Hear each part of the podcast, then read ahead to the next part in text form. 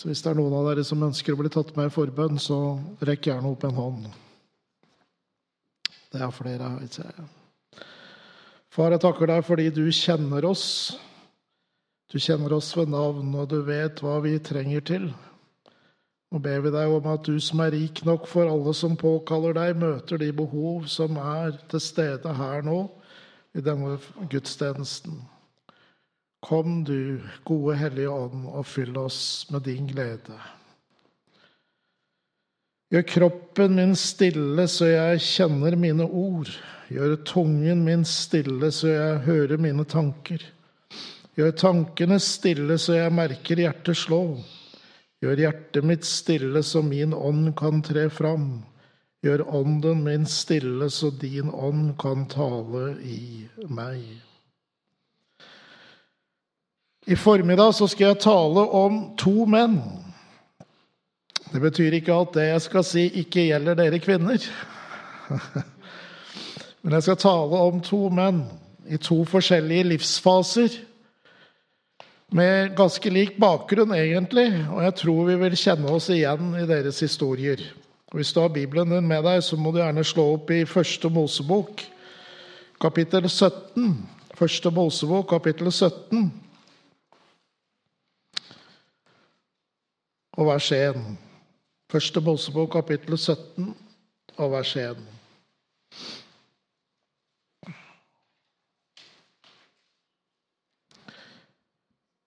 Da Abraham var 99 år gammel, viste Herren seg for Abraham og sa til ham, Jeg er den allmektige Gud. Du skal vandre for mitt ansikt og være ulastelig. Vår historie begynner i Ur i Kaldea, blant månetilbedere. De høye tempeltårn i den gamle metropolen er borte. Her betraktet avgudsprestene himmelens uendelighet og ga universets mange mysterier en guddommelig forklaring.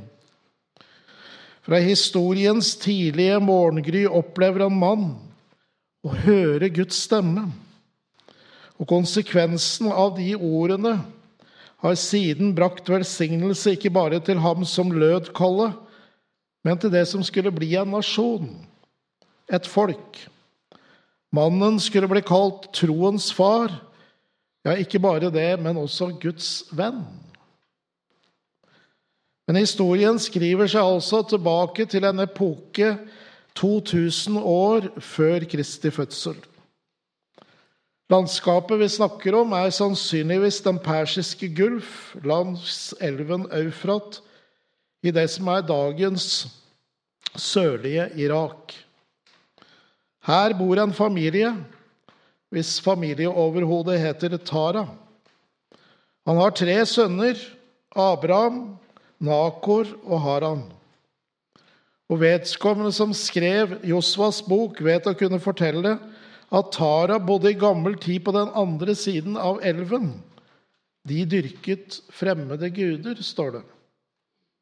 Senere skulle Abrahams navn forandres til Abraham. I omgivelser altså preget av avgudsdyrkelse er det at Gud åpenbarer seg for en av sønnene til Tara. Og Kirkens første martyr, diakonen Stefanus, forteller inspirert av Den hellige ånd Herlighetens Gud åpenbarte seg for vår far Abraham i Mesopotamia før han bosatte seg i Karan.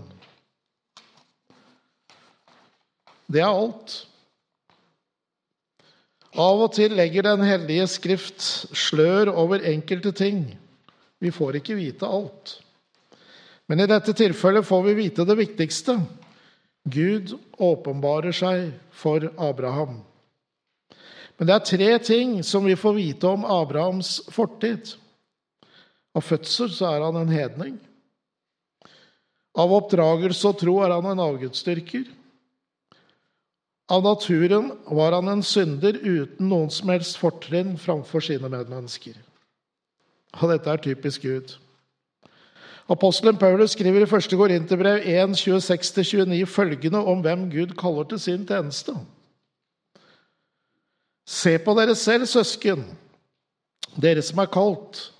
Ikke mange vise etter menneskelige mål, og ikke mange med makt eller av fornem slekt.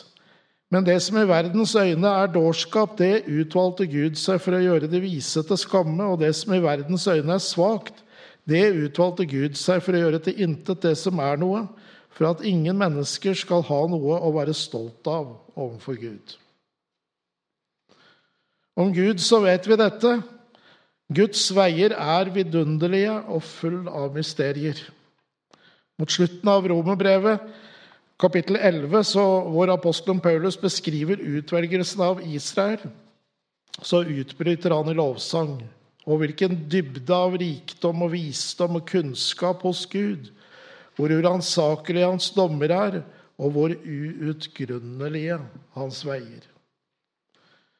I Det gamle testamentet ser vi at Gud setter seg fore å få et folk som er fullstendig fridd ut av trelldom og på en spesiell måte satt til side for ham. Dets kall og utvelgelse finner vi beskrevet i 2. Mosebok 1906. Dere skal være et kongerike av prester for meg og et hellig folk. Dette kongeriket, nasjonen Israel, begynner altså med én person Abraham. Og Abraham ble utvalgt av Gud for Guds egen skyld. Guds hensikt var å føre ham inn i en intim relasjon med seg, og ut fra dette fellesskapet ville Gud vise hvordan han kunne lede et helt folk. Og Abraham ante nok ikke hvordan hans liv skulle influere verdensfreden og verdenspolitiske forhold fra hans dag av og helt opp til vår egen tid. For Guds kall gjaldt ikke Abraham alene. Men Guds utvelgelse berørte og berører fortsatt mennesker og nasjoner og kommende generasjoner. Slik er det med Guds kall når det kallet for et gjensvar. Vi kan ikke forstå Abrahams vandring med Gud om vi ikke ser det fra Guds perspektiv. Det Gud gjør i tiden, hans gjerninger i den menneskelige historien, har egentlig sin begynnelse i evigheten.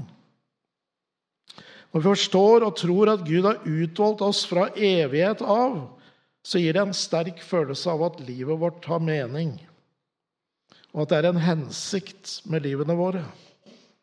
At Gud har planer og hensikter med mitt liv, og at han vil arbeide i meg og gjennom meg for at de skal bli realisert, blir en sterk motivasjonsfaktor. Hos profeten Jesaja leser vi dette løftet fra Gud. Hærskarenes herre har sverget og sagt:" Sannelig som jeg har tenkt, slik skal det skje. Som jeg har besluttet, slik skal det stå fast. I landskapet rundt elven Eufrat, mens mennesker ser opp mot månen, går en mann og kjenner på en djup lengsel som kommer innenfra, og så kommer kallet. Dra ut fra mitt, ditt land og fra din slekt og fra din fars hus til det landet jeg skal vise deg. Jeg skal gjøre deg til et stort folk. Jeg skal velsigne deg og gjøre ditt navn stort, og du skal bli en velsignelse.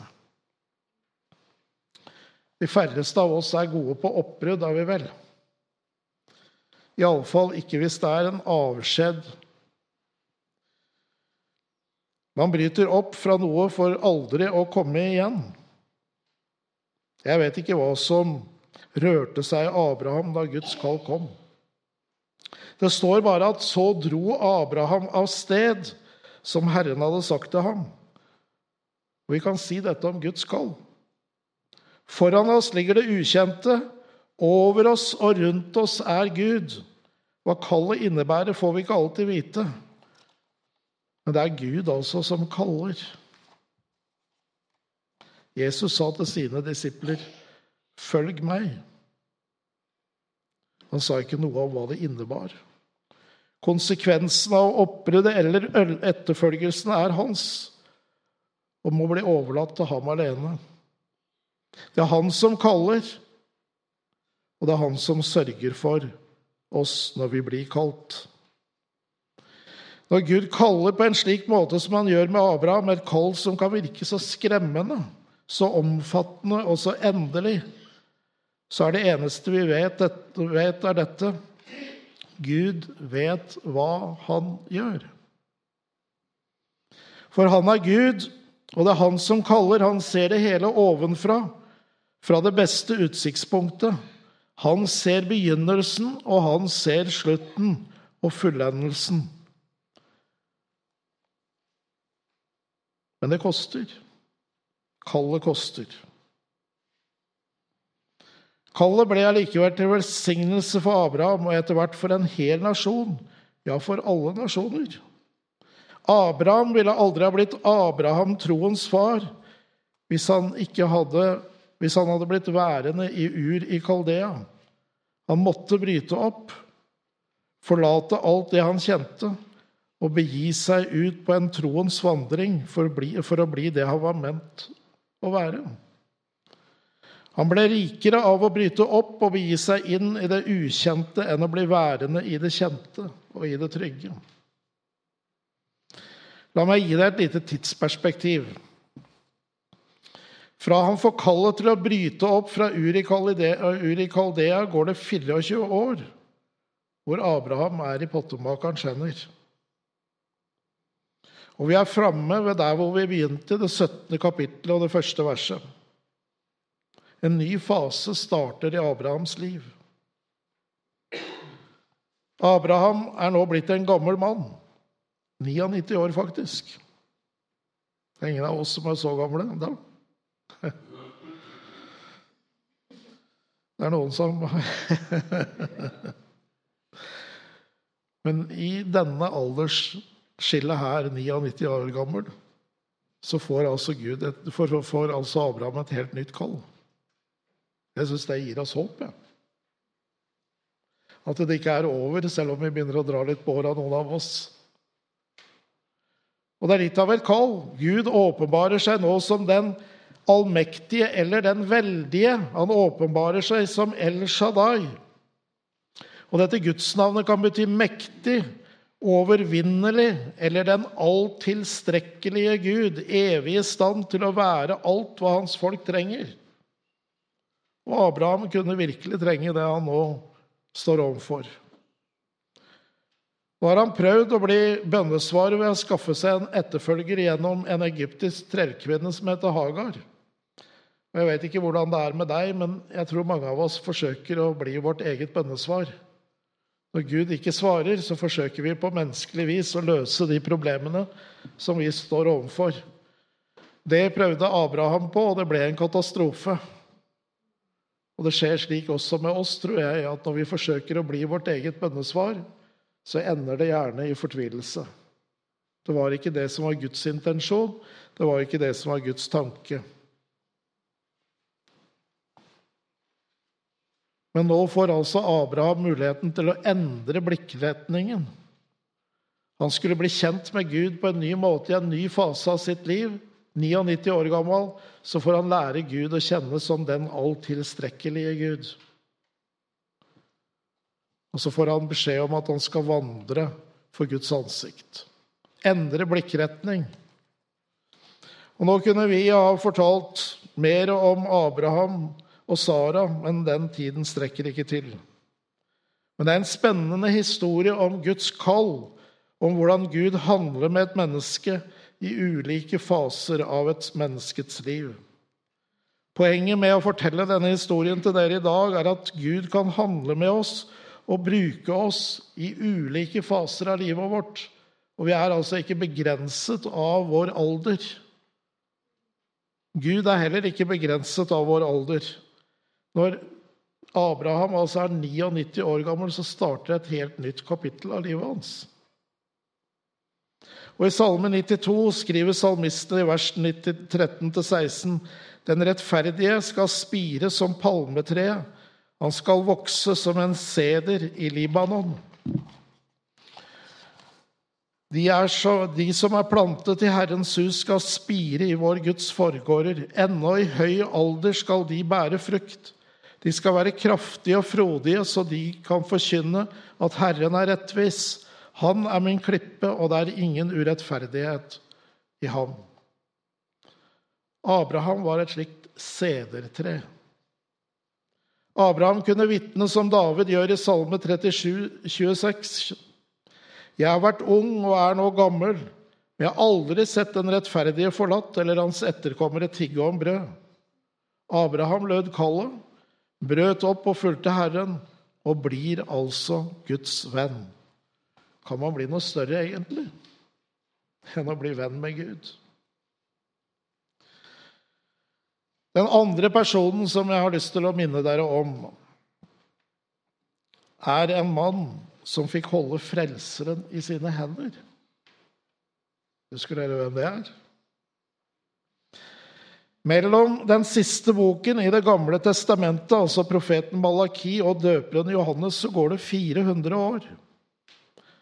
Det er ingen syner, det er ingen åpenbaringer, Gud er taus i 400 år. Så skjer det noe. I Galaterne 4,4 så står det men da tidens fylde kom, utsendte Gud sin sønn.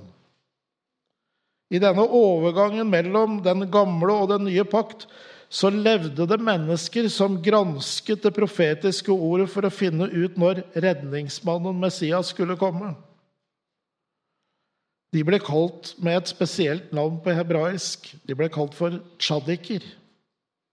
En tjaddik, han var en rettferdig mann eller en rettferdig kvinne.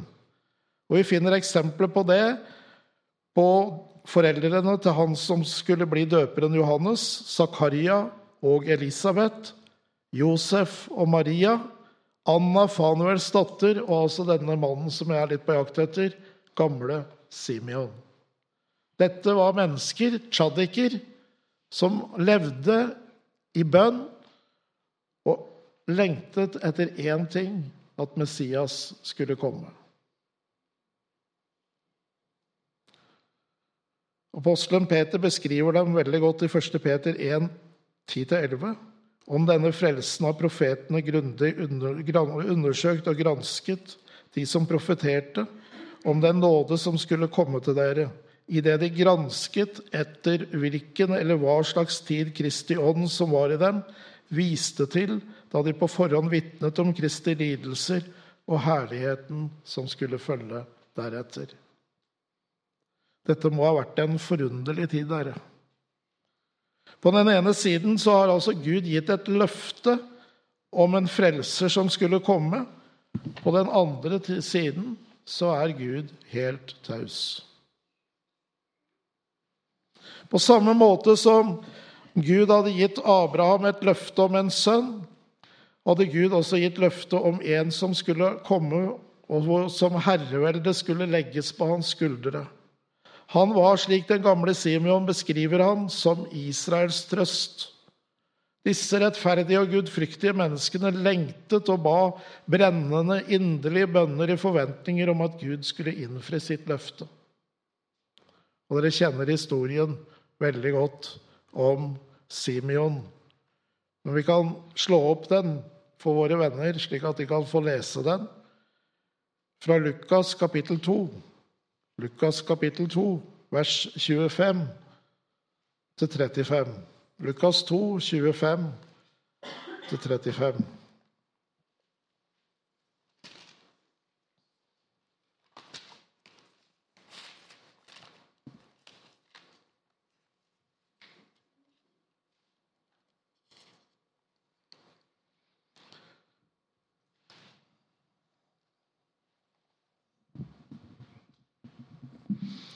Og se, det var en mann i Jerusalem som het Simeon.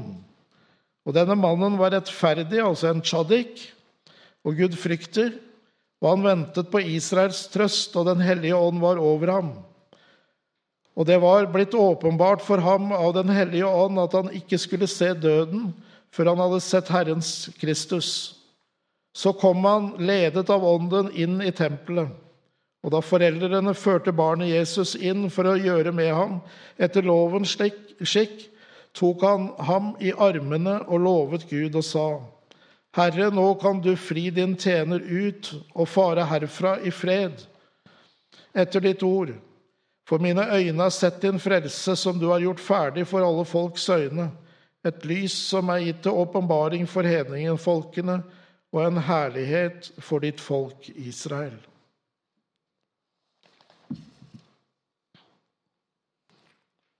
Gamle Simeon hadde ventet, akkurat som Abraham hadde ventet, med en djup lengsel etter å se han som blir omtalt som Israels trøst, Messias.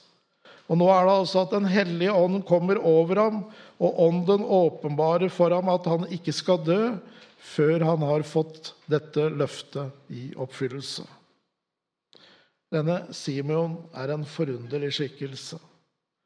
En beder, en profetisk skikkelse. På samme måte som Herren kalte Abraham til å vandre for hans ansikt, så vandret altså gamle Simeon for Guds ansikt. Han har en egen varhet over seg som gjør at han lytter til Ånden. Og vi merker oss, som det står i vers 27, da, han, da så kom han ledet av Ånden inn i tempelet. Gamle Simeon var altså på rett sted til rett tid. Han kommer akkurat i det øyeblikket når barnet Jesus bæres inn i tempelet, og så skjer dette forunderlige øyeblikket. Gamle Simeon holder selve løftet i sine hender.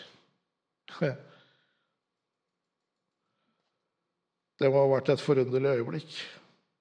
Jeg skulle gjerne ha vært til stede når den gamle mannen løfter Jesus opp og lover Gud og sa, 'Herre, nå kan du fri din tjener ut for å fare herfra i fred etter ditt, etter ditt ord.' 'For mine øyne har sett din frelse, som du har gjort ferdig for alle folkene.'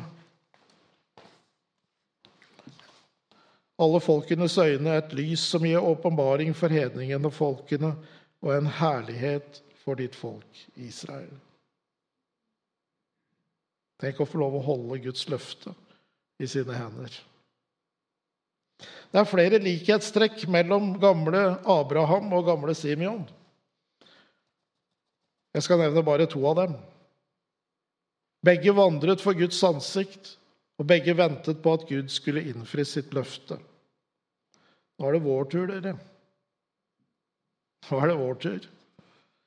Vi kalles også til å vandre for Guds ansikt. Og vi venter også på at løftet skal innfris. Hvilket løfte er det? Mens disippelflokken står på Oljeberget og stirrer opp mot himmelen idet Jesus stiger opp, så står plutselig to engler midt iblant dem og sier, 'Galileiske menn, hvorfor står dere og stirrer opp mot himmelen?' Den samme Jesus som ble sett, tatt opp fra dere til himmelen, skal komme igjen på samme måte som han så dere fare opp til himmelen.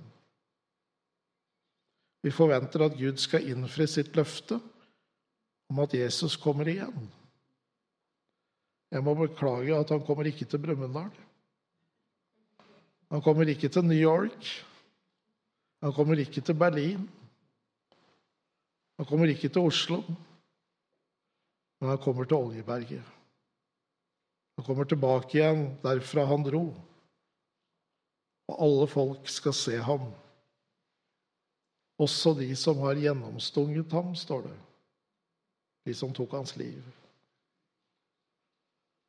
Så Abraham fikk et løfte, vandret for Guds ansikt. Gamle Simeon fikk et løfte, vandret for Guds ansikt. Du og jeg har fått et løfte, og vi vandrer for Guds ansikt. Og tro om ikke vi hører til den generasjonen så vil vi se han komme. Far, jeg takker deg for at du møter oss i ulike faser av livene våre. Vi kan være unge, og vi kan være gamle. Men du har gitt oss et kall til å følge deg, vandre for ditt ansikt. Og du har gitt oss det største løftet for vår generasjon, at du skal komme tilbake. Så vi ønsker å være slik disse rettferdige var, som søker deg og søker ditt ansikt, og lengter etter at du skal innfri ditt løfte om at du kommer igjen. Amen.